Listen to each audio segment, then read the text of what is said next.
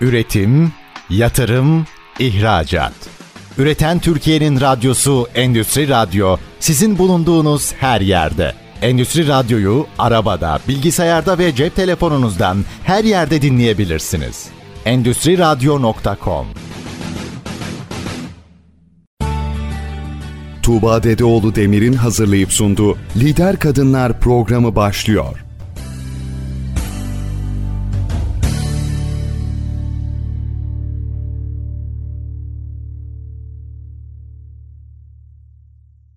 Merhaba, ben Tuğba Dedeoğlu Demir. Endüstri Radyo'da Lider Kadınlar programındasınız. Kadın varsa hayat var diyerek yola çıktım ve her hafta alanında lider olmuş öncü kadınlarla sizleri tanıştırıyorum. Bu hafta konuğum Master Trainer, Supervisor sevgili Ayşe Burcu Eren. Ayşe Hanım hoş geldin. Tuğba Hanım hoş buldum. Umarım her şey yolundadır. Çok teşekkür ediyorum. Umarım yolundadır. Bu hafta kitap fuarı haftası. Valla biraz kendimizi ve şeyi kaybettik çalışma düzenini ama önümüzdeki hafta tekrar düzene gireceğiz diye düşünüyorum. Buradan da söyleyelim harika bir fuar geçiriyoruz. Umarım katılımcılarımız gitmiştir, kitaplarla buluşmuşlardır. Buluşmadılarsa bile umarım kitaba ilgi gösterirler. Çünkü yayıncıların zor bir dönemi. Ben biraz böyle sorunlu bir yerden girdim. Ama evet fiyatlar, maliyetler çok yükseldi. Fakat yayıncıların okurlara ihtiyacı var. Sevgili Ayşe sen de bir yazar olarak aslında çok yakından deneyimliyorsun eminim bu konuyu. Şimdi sevgili Ayşe diyorum çünkü sevdiğim bir arkadaşım da aynı zamanda Ayşe Burcu Çok iyi bir eğitmen, çok iyi bir kişisel gelişimci, iyi bir içerik üretici aynı zamanda. Ben onun sosyal medyayı kullanma tarzını da çok beğeniyorum. Ve nasip kısmetse çok yakında benim yayınlayacağım yayın evinden çıkan harika bir kitapları da geliyor. Sevgili Koray İnan'la beraber yazdılar. Çok kaliteli, çok güzel bir içerik geliyor. Sevgili Ayşe, bu master trainerlık, supervisorlığa kadar gelen kariyer yolculuğu nasıl gelişti? Neler yaptın? Nerede okudun? Biz seni nasıl tanırız? Nereden tanırız? Bir oyunculuk maceran var. On parmağında on marifet. Bize biraz bu kariyer yolculuğundan bahseder misin? Teşekkür ediyorum. Ne kadar güzelsiniz.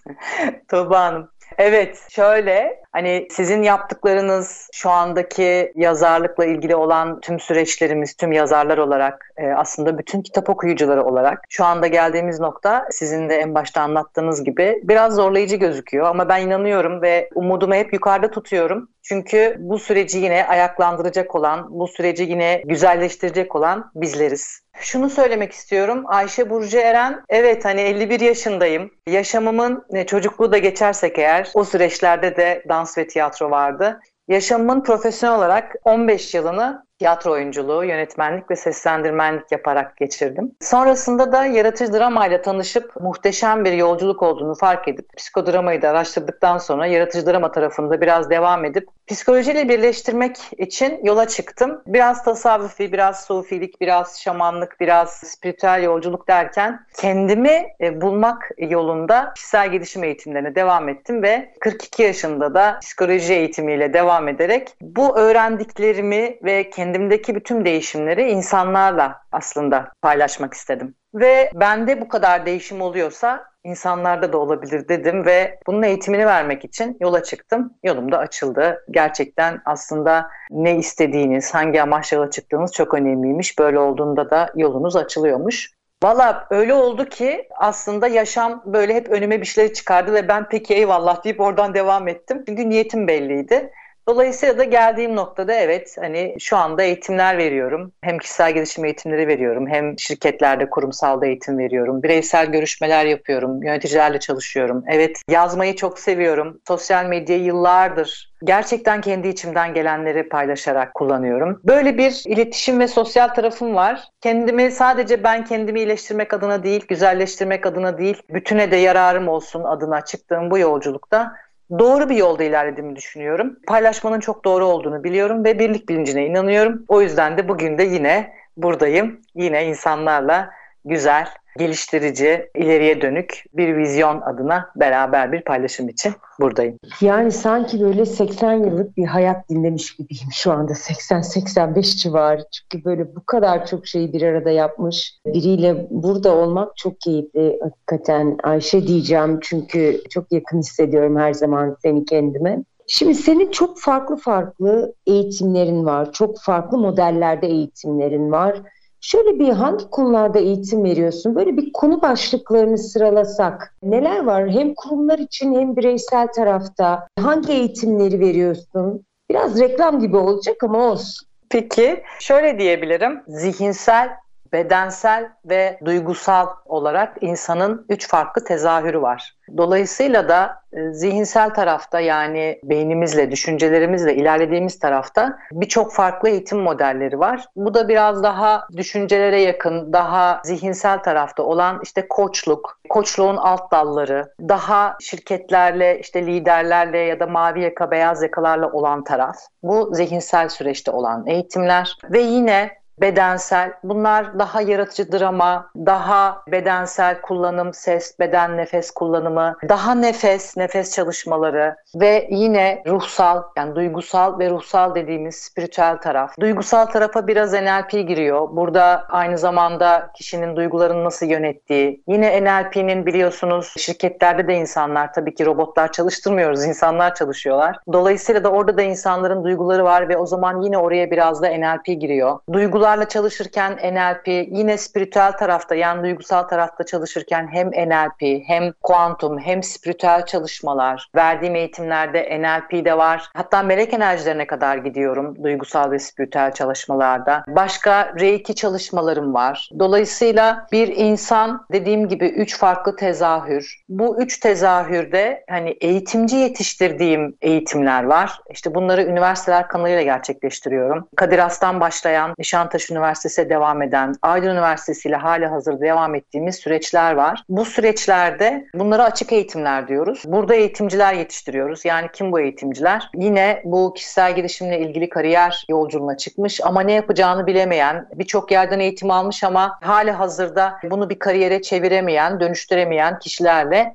hem kariyerlerini geliştirmek adına hem de kendilerini geliştirip bunu meslek adına dönüştürmekle ilgili belli eğitimlerim var. Yani toparlayacak olursam hani eğitimler aslında hem üç modülde birleşiyor. Yani birinci modül açık hani dışarıya hiçbir şey yapmak istemeyen sadece belki de kendini geliştirmek isteyenler. Bunlara açık eğitimler diyoruz. Bunlar daha kısa işte seminerler vesaire gibi oluyor. Bunun haricinde modül eğitimler dediğimiz eğitimler var. Bu modül eğitimlerde aslında oldukça fazla işte mindfulness var, biz bilinçli farkındalık, efendim kuantum eğitimi var, kuantum düşünce teknikleri, NLP'nin NLP eğitmenliği adı altında NLP'nin uygulayıcısı, master uygulayıcısı var. Tabii ki eğiticinin eğitimi var. Bir eğitmen yetiştirmek için aslında eğiticinin eğitimi alması oldukça gerekli. Dolayısıyla koçluk var. Koçluk e, çok başka bir dal benim için. Çünkü ben profesyonel koçlukla başladım yolculuğa. Koçluğun şu anda ünvanlanmış İngiltere AC Association for Coaching tarafından ünvanlanmış profesyonel bilişsel koçluk modelinin metodolojisi demek istiyorum aynı zamanda da. Bunun akreditasyonunu almış bir okulum var Eren Coaching Akademi olarak. E, burada da tabii ki öğrencilerim var. Bu öğrencilerim de çekirgelerim diyorum ben onlara. Eren Coaching çekirgeleri onlar. Yaklaşık da işte kaç sene 2012'de başlayan şu anda 2022'yi bitiriyoruz. Demek ki 10 yıldır biriken bir işte koçluk çekirgeleri, koçluk mezunları, efendim NLP mezunlarım var. Dolayısıyla da hani hem bu çekirgelerle onlar tabii devam ediyorlar bu ışığı yaymaya, bu aldıkları benden e, ışığı yayarak çoğaltmaya devam ediyorlar. Yani bakacak olursak oldukça fazla içerik var bende ama bunlar nasıl oldu? İşte hani nereye e, aslında şöyle bir şey kendime de baktıkça bazen şunu söylüyorum. Öğrendiğim her şeyi öğretebilmeyi çok hedeflemişim. Bunu da gerçekten her öğrettikçe biraz daha ben de öğrenmişim. Şunu anlamışım yolda öğretirken daha çok öğreniliyormuş. O zaman hem öğretip hem öğrenip hem de yaymak ve bütüne faydası dokunmak aslında insana çok da iyi geliyormuş. Allah benim yolculuğum bundan ibaret. Tuğba Hanım. Valla müthiş bir yolculuk. Ne kadar güzel anlattın. Bir başka eğitmen dostum şöyle demişti. Anlatma ihtiyacı olanlar sahneye çıkar. Ve eğitmen olurlar. Aslında en çok anlatma ihtiyacı bizlerindir demişti. Hakikaten de galiba öğretirken öğrenmek, yaparken öğrenmek çok önemli bir olgu değil mi? Yani ben de mesela yayıncılığı içine girdikten sonra öğrenenlerdenim. Yapa yapa öğrendim. Hiç çekirdekten yetişmedim. Kimse bana bir şey anlatmadı yayıncılıkla ilgili. İçinde deneye deneye öğrendiğim bir alan oldu. Ama ondan önceki sektörüm benim turizmdi. Turizmde bayağı okulluydum. Hani okuldan da bir sürü pratiğim vardı, stajlardan vardı. Fakat deneyerek öğrenmenin, anlatarak öğrenmenin, içinde olarak öğrenmenin çok kıymetli olduğunu düşünüyorum. İnsan içinde galiba çok ekstra bir tadı oluyor sanki. Şimdi biz efendim sevgili Ayşe Burcu Eren'le program öncesi sohbet ederken ne üzerine konuşalım dedik. O kadar çok şey kendi de anlattı e, üzerine çalışıyor ki hepsini birden bir programa sığdırmak mümkün değildi. Dedik ki insan odaklı kurumlar üzerinden konuşabiliriz ama onun çok güzel bir modeli var aslında. 4S modeli diyor buna. Ben ikinci bölümün başında bunu sormak istiyorum kendisine ve daha sonra insan odaklı kurumlar ne demek? Duygularını yöneten liderler ne demek? Değer gören çalışanlar ne demek? Bir de hepimizin aslında pandemiden, pandemi içinde ve pandemi sonrası çok zorlandığımız bir iletişim problemi var. Bu zorlu iletişimleri nasıl yönetiriz? Zor insanlarla iletişimi nasıl yönetiriz? Bundan sonraki bölümlerimizde bunları konuşuyor olacağız. Bizden ayrılmayın. Kısacık bir reklam arası veriyoruz. Birazdan sizlerleyiz. Üretim, yatırım, ihracat. Üreten Türkiye'nin radyosu Endüstri Radyo sizin bulunduğunuz her yerde. Endüstri Radyo'yu arabada, bilgisayarda ve cep telefonunuzdan her yerde dinleyebilirsiniz. Endüstri Radyo.com Lider Kadınlar'da Master Trainer ve Supervisor Ayşe Burcu Eren'le sohbetimiz devam ediyor. Aynı zamanda bence Ayşe Burcu Eren bir girişimci aslında. Çünkü kendi firması da var. Kendi eğitimlerini firması üzerinden veriyor Dolayısıyla aslında ticari tarafta bakarsanız fatura kesen bir girişimci aynı zamanda. O yüzden bizleri de çok iyi anlıyor ve yazar. Bu da çok önemli çünkü yazma eylemi yalnızlık gerektiren bir eylem. Belki sevgili Ayşe bize bu konuda da bir şeyler söyler. Biz birinci bölümün sonuna doğru şunu konuşalım dedik. İnsan odaklı kurumlar. Evet sevgili Ayşe, insan odaklı kurumlar ne demek? İnsan odaklı kurumlar neyi gözetirler? Çalışan mı ön plandadır, yöneticiler mi ön plandadır? Ve belki buna ek olarak şundan da konuşabiliriz. Duygularını yönetebilen liderler ne demek? Bu iki sorunun cevabını acaba arka arkaya alır mıyız senden? Evet, şunu söylemek isterim ki özellikle de bu geçirdiğimiz bir pandemi süreci var ki e, hali hazırda çok yüksek bir e, bana göre e, travmanın etkilerini yaşıyoruz hali hazırda. E, dolayısıyla dünya ve e, özellikle de bizim gibi birazcık gelişmekte zorlanan ülkeler oldukça zorlu bir sürecin içine girdiler pandemiyle beraber. Ve tüm iş dünyası oldukça fazla etkilendi. Neden? Çünkü bir günde dünya değişti, iletişim şekli değişti, çalışma şekli değişti ve bu şirketlerin yöneticileri, sahipleri, çalışanlar oldukça farklı bir süreç içine girdiler. Ekonomi başka bir yandan, siyaset başka bir yandan, sağlık oldukça önemliydi. İnsanlar çok büyük bir korkuyla ve adından sıklıkla bahsettiğimiz VUCA döneminin içine girdiler. Ve bu dönemde benim travmatik dediğim iş dünyasında VUCA dünyası, BANI dünyası dediğimiz e, öyle bir süreç başladı ki Burada bütün değerler bana göre alt üst oldu. Bu e, pandemi döneminden önce değerler şöyle başlıyordu insan hayatında, özellikle çalışan dünyasında. Başarı, motivasyon, yani ilk başta başarı, işte hedef dolayısıyla yani hedef, hedefe ulaşmak, başarı. İşte tabii ki motivasyon, tabii ki dolayısıyla takdir, teşekkür, onay belki ve bununla birlikte sonrasında işte şirket hedefi, şirket odağı, şirket kotası gibi cümlelerden bahsediyorduk. Ve belki hani örnek veriyorum atıyorum 100 şirketten bahsedecek olursak belki de 30-40 tanesi insan odaklıydı. Yani insanı birinci plana alan, çalışanlarını ön plana alan, onlara daha fazla değerini kendilerine belirten bu şirketlerden bahsediyorduk. 30 ya da 40 tanesinde 100 şirketten bahsedecek olursak. Bu bahsettiğim süreçten sonra geldiğimiz dönemde öyle bir hal aldı ki şimdi artık insan odaklı olmak zorunda kaldı bu geldiğimiz noktada. Bunun sebepleri aslında çok açık. Çünkü insanlar çok başka bir şeyle yüzleştiler. Aslında her zaman bildikleri ama belki de göz ardı ettikleri insan olmazsa hiçbir şey olmaz. İşte şey gibi hani sağlık olmazsa hiçbir şey olmaz. Evet. İnsan olmazsa hiçbir şey yürümez. Ve eğer insanı alıp başka bir yere koymazsanız yani ona kendi hak ettiği değeri vermezseniz o insan artık şu geldiği noktada tahammülsüzlüğün sınırında diye ben bunu rahatlıkla söyleyebiliyorum. Bu tahammülsüzlüğün sınırında bir de işte sizin demin de bahsettiğiniz konu başlıklarından bir tanesi zor insanlardı. Bu zor insanlarla başa çıkma yetisi artık azaldı. Ve biz bu VUCA dönemine yaklaşır dönemde ve pandemiyle artık son taçlandırılan süreçte artık şundan bahsetmeye başladık. Hayır artık insana değer vermek zorundasınız. Çünkü tahammül gitgide azaldı. Öyle bir süreç var ki hiç kimse önünü göremiyor. Öyle bir süreç var ki belirsizlik had safhada.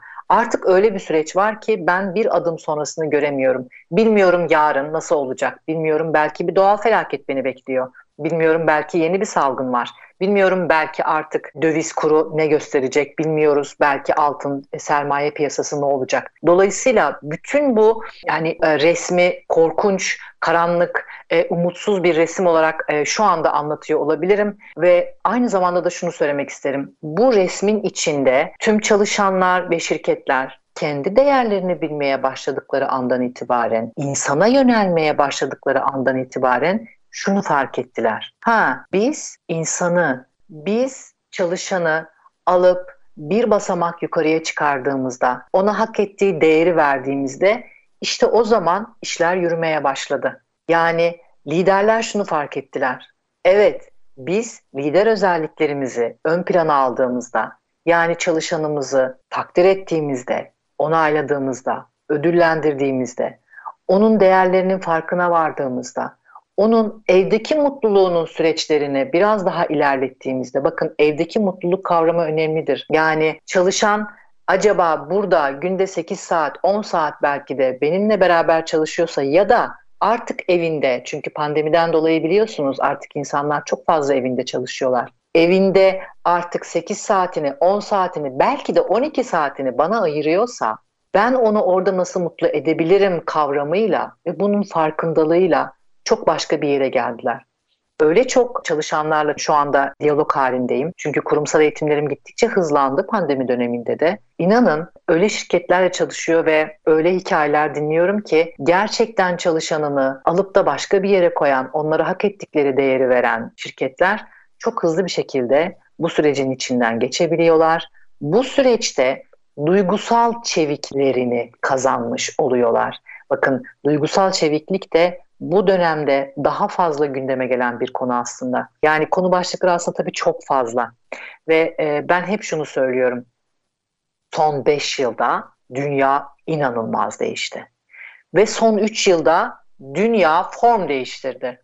O yüzden de biz 5 yıl önceki birçok kavramı artık konuşmuyoruz ve şu anda kullandığımız kavramları da 5 yıl önce hiçbir şekilde kullanmıyorduk. Evet, bilmiyorum sorularınıza cevap peki, mi? Peki yani bu durumda biz bu yeni kuşaklar yani aslında X, Y ve Z kuşaklarını bu çalışma ortamlarına nasıl dahil edeceğiz sevgili Ayşe? Yani zaten çok böyle çalışma odaklı değiller. Çok aidiyet hisleri sanki daha düşük bizim yaş gruplarımıza göre. Madem dünya başka bir yere gidiyor senin cümlelerinden bunu anlıyorum. İş dünyası da başka bir yere gidiyor. Peki biz bu kuşakları nasıl iş yerlerinde tutacağız? Nasıl onlara aidiyet sağlayabileceğiz? Nasıl o iş yerini sahiplenecekler? Bu konuda görüşlerin neler? Evet şimdi tabii X, Y ve Z kuşakları bunlar aslında bir radyo programı kadar derin. Sadece şunu söylemek isterim. Z kuşağı aslında işini yapmak istiyor. Ve işini yapmak isterken talepleri şunlar. Bana kendimi değerli hissettir. Bana seninle birlikte çalışma iznini ver. Yani eğer ki bir birimde çalışıyorsam ve sen e, bu birimin yöneticisiysen benimle birlikte çalış. Beni çalıştığım için takdir et ve beni gör ve beni dinle. Beni görmezden gelme. Bana belki de benim hep söylemek istediğim bir şey vardır. Bizler Z kuşağını yetiştirirken Y kuşağı olarak bu çocuklara kendi görmediğimiz, kendi yaşamadığımız şeyleri yaşatmaya çalıştık. O yüzden de sevgimizi fütursuzca paylaştık derim. İşte bu çocuklar sevgiyi fütursuzca alınca ki çok güzel oldular. Bu sevgiyi almayı artık kendi hakları olarak görüyorlar. Çünkü zaten biz onlarla olduğu gibi paylaştık ve birçok aile bunu çok rahatlıkla söyleyebilir. Ne isterlerse yaptık neredeyse. Ve bu çocukların geldiği süreçte diyorlar ki ben işimi yapıyorum. Hani fakat benden talep edilenleri sırasıyla yapabilirim. Ve karşı tarafın artık sizin zor insanlar dediğiniz ki bunlar işte benciller olabilir, kibirliler olabilir, işte hırslılar, ne bileyim mızmızlar, ne bileyim kaprisliler, ne bileyim e, halk arasında konuşulan işte egosu yüksek ya da işte farklı farklı işte iletişim gücü yüksek vesaire, iletişim gücü zor vesaire gibi tanımlarla yerleştirdiğimiz bu zor insanlar dediğiniz çalışanlarla artık Z kuşağı çalışamıyor. Yani ben şunu öngörüyorum. Diyorum ki çünkü ben Z kuşağına çok fazla eğitim veriyorum ve onlarla sürekli iç içeyim. E tabii ki onlarla aynı zamanda farklı eğitimlerle de beraber olduğum için hani genç dediğimiz bu Z kuşağı öyle aslında kafaları çalışıyor, öyle çalışkanlar ve öyle zekiler ki şunu istiyorlar sadece. Diyorlar ki ben onunla niye uğraşayım? İşime bakmak istiyorum. Belki de hani en başta konuştuk yani ben dedim ya spiritüel eğitimlerde veriyorum vesaire. Hani ben şunu söylüyorum. Diyorum ki yani artık kova çağına girdik ve kova da mantık çağıdır. Şimdi Z kuşağındaki çocuk diyor ki tamam ben işimi yapıyorum. Sen de bana gereken değeri ver. Ben o zaman işimi yapmaya devam ederim. Çünkü olay iş. Yani bana şunu söylemeye çalışıyor.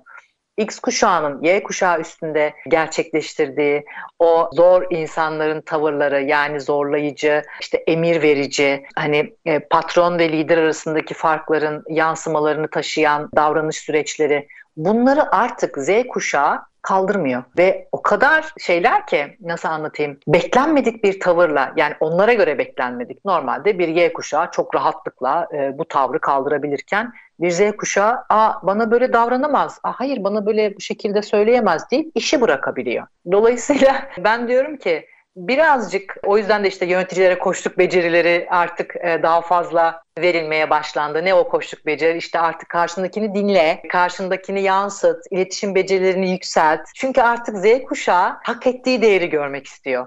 Ve biliyor musunuz hak ettiği değeri aldıkları zaman aslında çok güzel çalışıyorlar. Yani çok haklısın gerçekten Z kuşağı çok farklı bir kuşak. Bizlerden en azından çok farklı. Biz ben hatırlıyorum yani ilk işe girdiğimde müdürümü böyle şey hani bir ilah gibi görüyordum ve o ne derse sorgusuz sualsiz yapıyordum.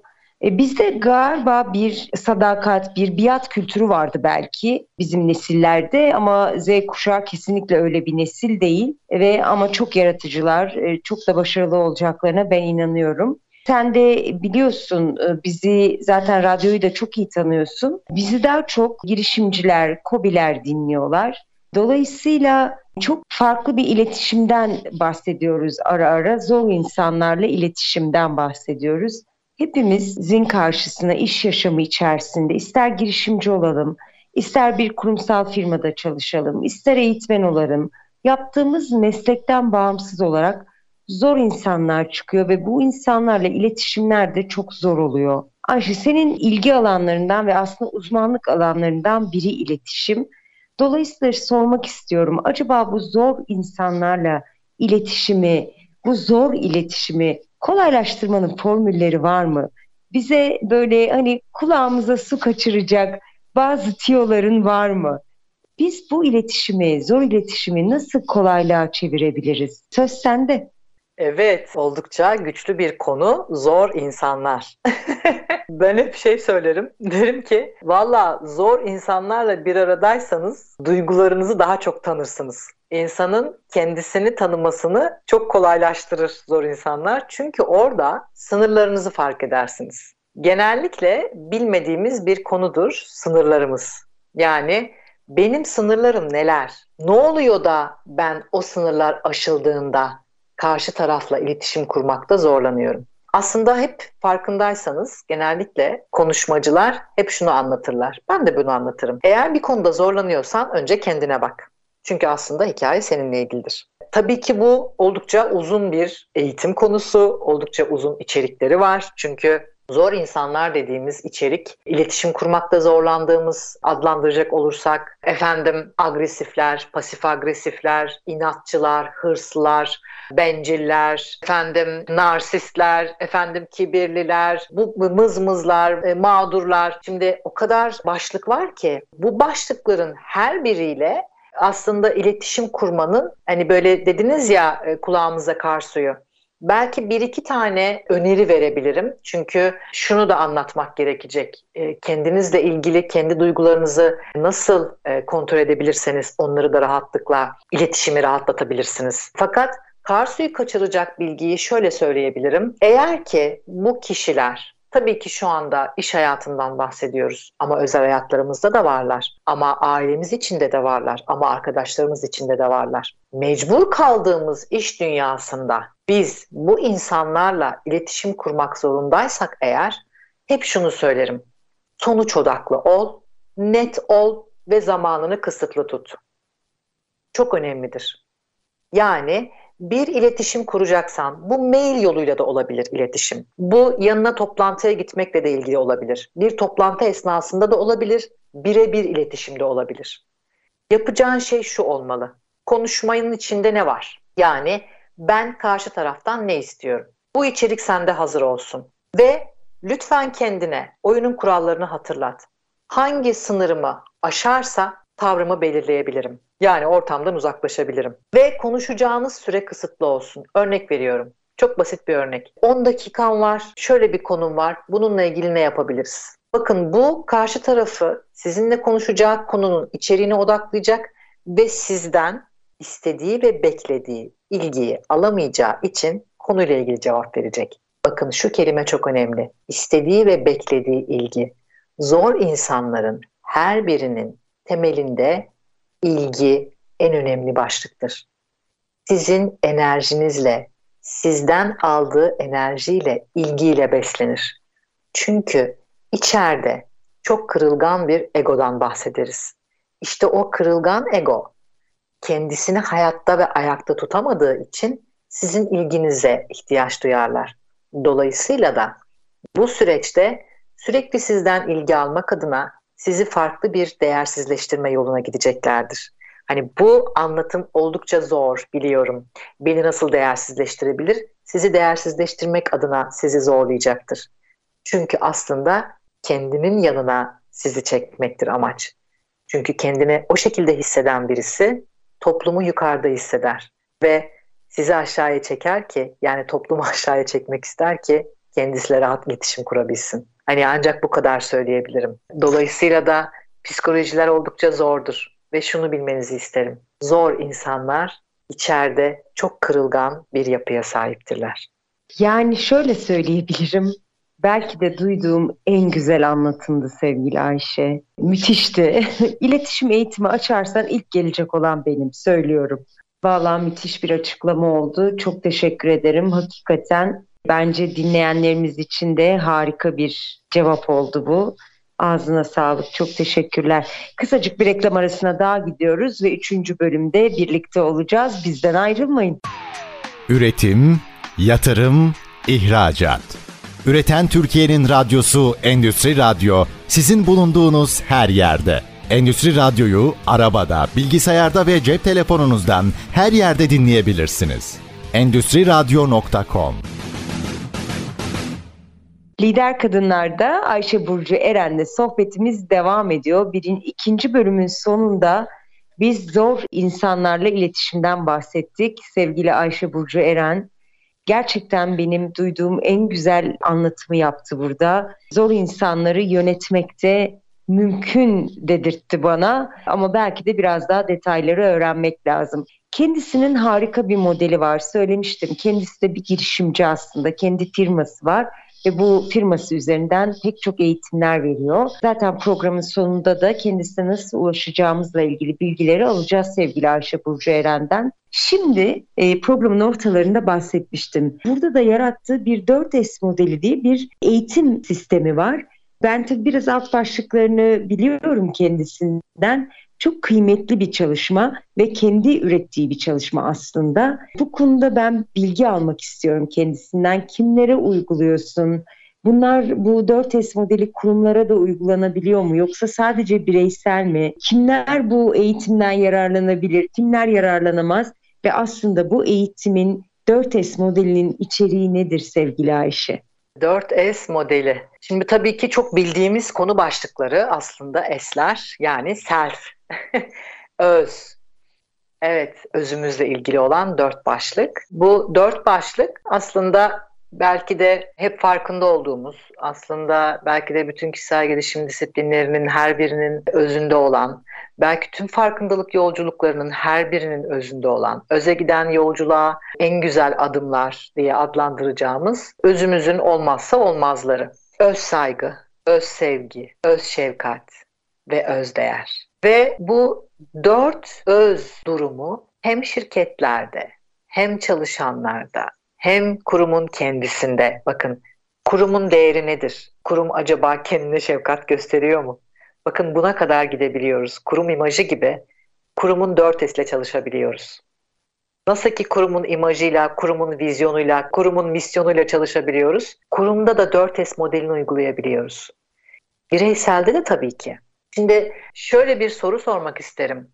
Zor insanlarla başa çıkmak dediniz. Ben zor insanlarla başa çıkmak, bu bir iki modüllük bir eğitim bu arada. Zor insanlarla başa çıkma. Bu eğitimin ikinci modülünde, zor insanlarla başa çıkma eğitiminin ikinci modülünde ben bütün modül boyunca 4S modelini anlatıp uygulatıyorum. Ve çok büyük farkındalıklar oluşuyor. Çünkü zor insan diye adlandırdığınız kişiyle başa çıkarken siz demin de anlattığım gibi kendi içsel farkındalığınızı buluyorsunuz ve orada bu 4 S'e eğer hakimseniz yani öz değerinizi biliyorsanız, öz saygınız varsa yani sınırlarınızın farkındaysanız, kendinizi sevmekle ilgili bir probleminiz yoksa yani içsel çatışmalarınız çok fazla değilse ve aynı zamanda öz şefkat sahibiyseniz zor insan bir futbol maçında topu atan diğer arkadaşının pasını karşılamayan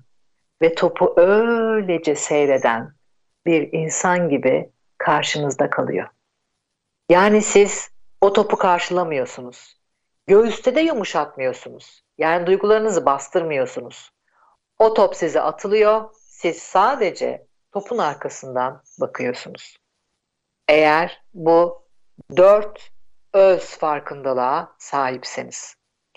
Evet ve dediğim gibi şimdi ben teker teker söyleyecek olursam mesela ana başlıklarla öz saygı. Öz saygıda ben sadece şunu konuşurum ve sorarım. Burada da sormak isterim. Kime saygı duyarsınız? Sizin için saygın kişi kimdir? Bu soruyu kendinize sormanızı isterim. Buradan geleceğiniz nokta şudur. Haddini bilen kişiye saygı duyarımdır aslında. Çünkü genellikle şöyle cevaplar alırım. Derler ki işte kendini geliştirmiş, bilgi sahibi, efendim ne bileyim çok fazla şey bilen, işte yaşı benden büyük olan ve birçok örnek söylenebilir. Oysa ki çok bilgi sahibi, yaşı sizden çok büyük olan ve gayet etiketleri, title'ları çok fazla olan bir adam gelip sizin haddinizi aşarcasına konuşunca ona saygı duymazsınız. Aslında baktığınızda haddini bilen kişiye saygı duyarsınız. Çünkü eğer kendi haddini biliyorsa sizin de sınırınızı yani haddinizi aşmayacaktır. Bu çok önemlidir. Ee, yine benim işte dediniz ya sosyal medyadaki paylaşımlarını çok seviyorum diye. Yine bu benim bulduğum bir laf belki komik. Ben derim ki haddini ne kadar açarsan haddini, hadlerini o kadar aşarlar. Yani siz haddinizi ne kadar insanlara açarsanız onlar da hadlerini o kadar aşarlar. İşte öz saygı budur. Haddini bilmektir. Ve haddini bilene saygı duyulur. O yüzden bugün ikinci kez söylüyorum. Sınırlarınızı düşünün. Benim sınırlarım neler? Yani had eşittir sınırdır. Had, benim sınırım. Benim sınırlarım neler? Öz saygı buradan gelir. Öz saygı. Geliyorum, öz sevgi. Bu kendimi ne kadar seviyorum hikayesi. Hani kendime o güzel ben, cici ben deyip o o değildir. Ya da kendimi işte bakıyorum, kendi bakımım, süsleniyorum. Hayır bu da değildir. Öz sevgi zihinsel, bedensel ve duygusal olarak eğer hayatımda bir şeyler ters gidiyorsa onları iyileştirme yolculuğuna gidiyor muyum? Bunun sorumluluğunu alıyor muyum? Kendi sorumluluğunu almaktır. Kendini iyileştirme halinin sorumluluğunu almaktır öz sevgi. Ve devam ediyorum. Öz şefkat. Çok sevdiğiniz çocuğunuz, çok sevdiğiniz ev hayvanınız, çok sevdiğiniz bir dostunuz ya da o çok sevdiğiniz kimse. Onun bir problemi olduğunda, onun başı zora geldiğinde ona nasıl da şefkatle ve merhametle yaklaşıyorsunuz. Ve sorarım size, aynı şefkati, aynı merhameti kendinize gösteriyor musunuz? Evet öz şefkat budur. Yani ona oturup dinliyorsunuz, onu merhametle sarıp sarmalıyorsunuz. Bir sorun yaşadığınızda kendinize bunu uyguluyor musunuz? Ve öz değer çok önemli bir konudur. Kendi değerinin farkında olmak, kendini değerli bulmak. Hep şöyle söylüyorlar, çalışan arkadaşlarla eğitimlerde konuşuyoruz. Diyor ki ben diyor bir hayat amacım yok ki ben ne kadar değer. Diyorum ki sadece var olduğun kadar bile değerlisin. Çünkü burada olmanın bir amacı var. Eğer bir amacın olmasaydı zaten burada olmayacak. Yani varoluşun bile değerli. Ki öz değer konusu oldukça derin bir konudur. Ve değer insan daha dünyaya geldiği andan itibaren tabii ki değerlidir. Ve bunun farkına varması kişiyi çok farklı bir yere getirir. Evet, yani girişimci kadınlar olarak, girişimci kişiler olarak, çalışan şirketler olarak, liderler olarak, mavi yakalılar, beyaz yakalılar olarak bu öz saygıyı, öz şefkati, öz değeri, öz saygıyı harekete geçirmezsek denge yavaş yavaş kaybolmaya başlıyor. Çünkü bu dört ayak oldukça önemli. Birinden biri olmadığında denge sarsılıyor. Kurumda da, bireyselde de. Evet umarım anlatabilmişimdir Tuğba. Valla harika anlattın. Yani ben bunun daha çok bireysel olduğunu düşünmüştüm konuşurken ama kurumlar için de uygulanıyor olması müthiş bir avantaj tabii ki. Bunun bir de e, şeyden bahsettik aslında duygularını yönetebilen liderlerden bahsettik ama çok konunun içine girmedik. Bu konuda neler söylersin? Yani bir lider duygularını nasıl yönetebilir veya nasıl değer görür eğer bir lider kendi duygularını yönetebiliyorsa? Ya da yönetemeyen bir lider çalışanların gözünde ne oluyor? Nasıl bakılıyor o lidere? Duygularını yönetmek konusu başlı başına bir konu tabii ki tahmin edersin. Çünkü duyguyu yönetebilmen için başlangıçta duyguyu fark etmen gerekir. Yani aslında en zorlanılan konu da budur. Çünkü en başlangıcı budur. Burada da duygusal zeka devreye girer. İşte kurumlarda duygusal zeka eğitimi verdiğimizde başlangıçta kişinin kendi duygularını tanımasıdır önemli olan. Benlik farkındalığıdır. Kişi kendi benliğinin farkına varmazsa ben burada ne yapıyorum? Yani burada ne yapıyorum derken bu işte ne yapıyorum değil. Burada ne yapıyorum? Yani ben kimim? Kimliğimi nasıl nitelendiriyorum? Ve benim nasıl bir duygusal yapım var? Ben şu an ne hissediyorum? Duygu farkındalığı oldukça önemlidir. Ve devam eder duygusal zekada. Duygularını yönetebilmeniz için, kişinin duygusunu yönetebilmesi için, duyusunu fark etmesi için tabii ki ilk önce kendi içini fark etmesi gerekir. Yani içeride ne oluyor? Ben burada ne yaşıyorum şu anda? Bunu fark etmeye başladığı andan itibaren karşı tarafı fark etmeye başlar. İşte bunun adına da empati diyoruz. Hani duygusal zeka eşittir empati deniyor. Hayır yanlıştır. Kişi ilk önce kendini fark etmelidir. Sonra duygularını, ondan sonra karşı tarafı, sonra da bunu organize etmeyi başarmalıdır. Hani diyorsunuz ya duygularını yönetemeyen, duygusal çeviklik dediğimiz şey o kadar kolay bir şey değil tabii ki. Hele ki bu dönemde bakın bu kelimeler ne kadar önemli hale geldi. Çeviklik, agile, yani bir an evvel bir çabucak, çevik olmak. Şimdi bakın bunlar çok önemli kavramlar. Neden? Artık günümüzde her şey çok çevik olmak zorunda. Yani hem güçlü hem de atik olmak zorunda. O zaman duyguları da bu hale getirmek gerekiyor. Yani çalışan ya da lider özellikle yönetici özelliklerinden en önemlisi duygusal zekadır. Çünkü bu bütün yaşayan yaşadığı süreçler içerisinde yöneticinin kendini, duygularını fark edip bunu yönetebilmesi bir beceridir. Bu beceriyi kazandırmak da kişiye kendi duygularını fark ettirmekle başlar. Çünkü bu o kadar kolay bir yolculuk değildir. Hani ben şu anda ne yaşıyorum sorusu birçoğumuzun belki de hiç sormadığı bir soru. Yaşadığı duygunun içindeyken. Belki o duygudan çıktıktan sonra evet ama bir duygunun içine girdiğiniz zaman örnek veriyorum nokta nokta dolarlık bir sipariş geldi ve ben o dolarların altında şu anda bu siparişi karşılayamayacak bir e, ürün stoğuna sahibim. Şu anda ne yapacağımı bilmiyorum ve şu anda sıkışmış ve çaresiz hissediyorum. Bunu hiçbir yönetici kurmaz bu cümleyi. Yapacağı şey şudur. Biz ne yapacağız şu anda? Mahvolduktur. Halbuki o anda bir an için sakinleşmişti. Bunları öğretiyoruz. Bir an için dur. Nefes öğretiyoruz. Bir an için dur. Belki bir iki nefes al. Sakince ver. Diyafram nefesi çalıştırıyoruz. Ve sonra dur. Ve şu anda ne hissediyorsun? O duygunun adı ne? Bakın bu bir insanın kendisine verdiği bir buçuk dakikalık hediyedir. Bir buçuk dakika sürer. Bir an için dur. Fark et. Derin bir nefes al karnına ve yavaşça bırak. Ve sor kendine. Şu an ne hissediyorum? Duygum ne? Zihin deli gibi konuşacaktır. Çaresizsin, mahvoldun vesaire. Hayır, benim duygum ne? İşte bunu yapmaya başladığı anda artık yavaş yavaş sakinleşmeye ve sonra belki de bu duyguyu adlandırmaya ve belki bedeninde bulmaya işte duygusu nerede belki karnında genellikle karında olur, göğüste olur vesaire. Sonrasında bunların hepsi teknik, hepsi yöntem tabii ki bir buçuk dakika. Yani duygusal çeviklik dediğimiz şey efendim yaşanılan duyguları bastırmak, onları görmezden gelmek, sonra da bu duyguları çalışanlara boşaltmak değil tabii ki.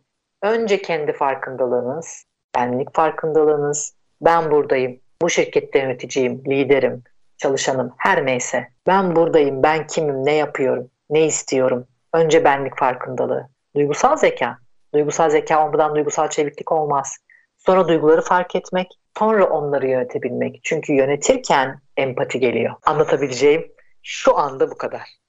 Valla harika anlattın zaten. Daha ne olsun? Efendim bir lider kadınlar programının daha sonuna yaklaştık. Sevgili Ayşe Burcu Eren'e ulaşmak isterseniz diye soruyorum.